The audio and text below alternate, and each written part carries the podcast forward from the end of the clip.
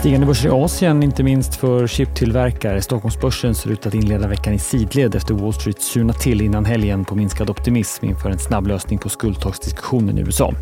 Det är måndagen den 22 maj. Du lyssnar på det Morgonkoll och jag heter Alexander Klar. Det är svagt stigande börser på flera håll i Asien. Tokyobörsen stiger knappt en halv procent. I Fastlandskina stiger Shanghai och Shenzhen bara marginellt. Men i Hongkong är börsen upp nästan en och en halv procent. Flera chiptillverkare är vinnare efter att Kina i stort sett infört importförbud från den amerikanska chiptillverkaren Micron. Kina menar att man hittat allvarliga säkerhetsbrister hos den amerikanska chiptillverkaren. USAs president Biden sa i en kommentar att han överväger att lyfta sanktionerna mot Kinas försvarsminister och att relationerna mellan länderna kan förbättras mycket snart. Kinas centralbank har lämnat sina referensräntor på 2 och 5 år oförändrade. Räntorna ligger på 3,65 respektive 4,30.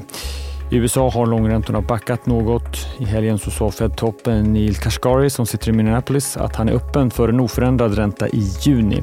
Under dagen kommer ytterligare några ledamöter hålla tal, däribland James Bullard. Och senare i veckan får vi också protokollet från det senaste räntemötet. I övrigt handlar mycket om skuldtaksdiskussionen i USA där förhandlingarna inte går lika smidigt som kanske marknaden hoppades på i mitten av förra veckan. Joe Biden och Kevin McCartney har talat i telefon under gårdagen angående det låsta läget i förhandlingarna och Biden och McCartney kommer att träffas under eftermiddagen idag. Biden och McCartney sa i onsdags att de siktade på att ha ett avtal om skuldtaket klart under helgen. Hej, Ulf Kristersson här. På många sätt är det en mörk tid vi lever i. Men nu tar vi ett stort steg för att göra Sverige till en tryggare och säkrare plats. Sverige är nu medlem i Nato. En för alla, alla för en.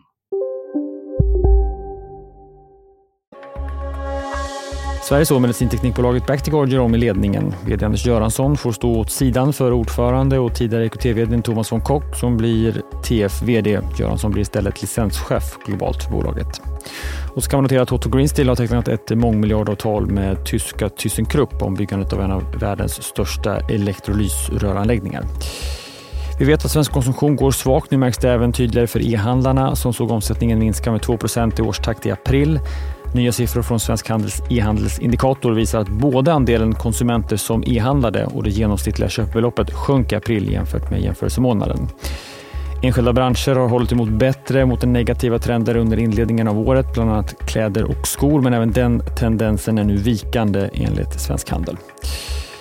Makroagendan är tunn och den enda hållpunkten värd att nämna idag är preliminära konsumtionsindikatorn för euroområdet. På onsdag blir det fler svenska rapporter att se fram emot, bland annat svenska Embracer från USA, också tung rapport, Nvidia som gått mycket bra på börsen, dessutom protokoll då Dessutom protokoll då från Feds senaste räntemöte. Amerikansk BNP på torsdag och svensk arbetslöshetsstatistik samma dag. Och så avslutas veckan med PCE från USA på fredag. Mycket att se fram emot och du följer nyheterna bäst som vanligt på di.se. Missa inte Börsmorgon idag med start kvart i nio eller lyssna på programmet som podd. Vi släpper den klockan 11. Det är Morgonkoll. Jag är tillbaka igen imorgon. Jag heter Alexander Klar.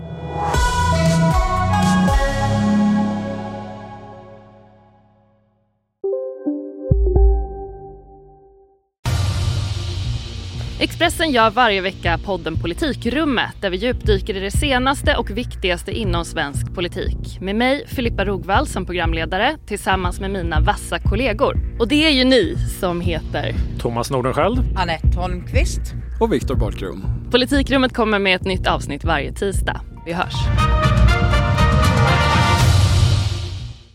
Vi är specialister på det vi gör, precis som du. Därför försäkrar vi på Swedea bara småföretag, som ditt. För oss är små företag alltid större än stora och vår företagsförsäkring anpassar sig helt efter firmans förutsättningar. Gå in på swedea.se företag och jämför själv.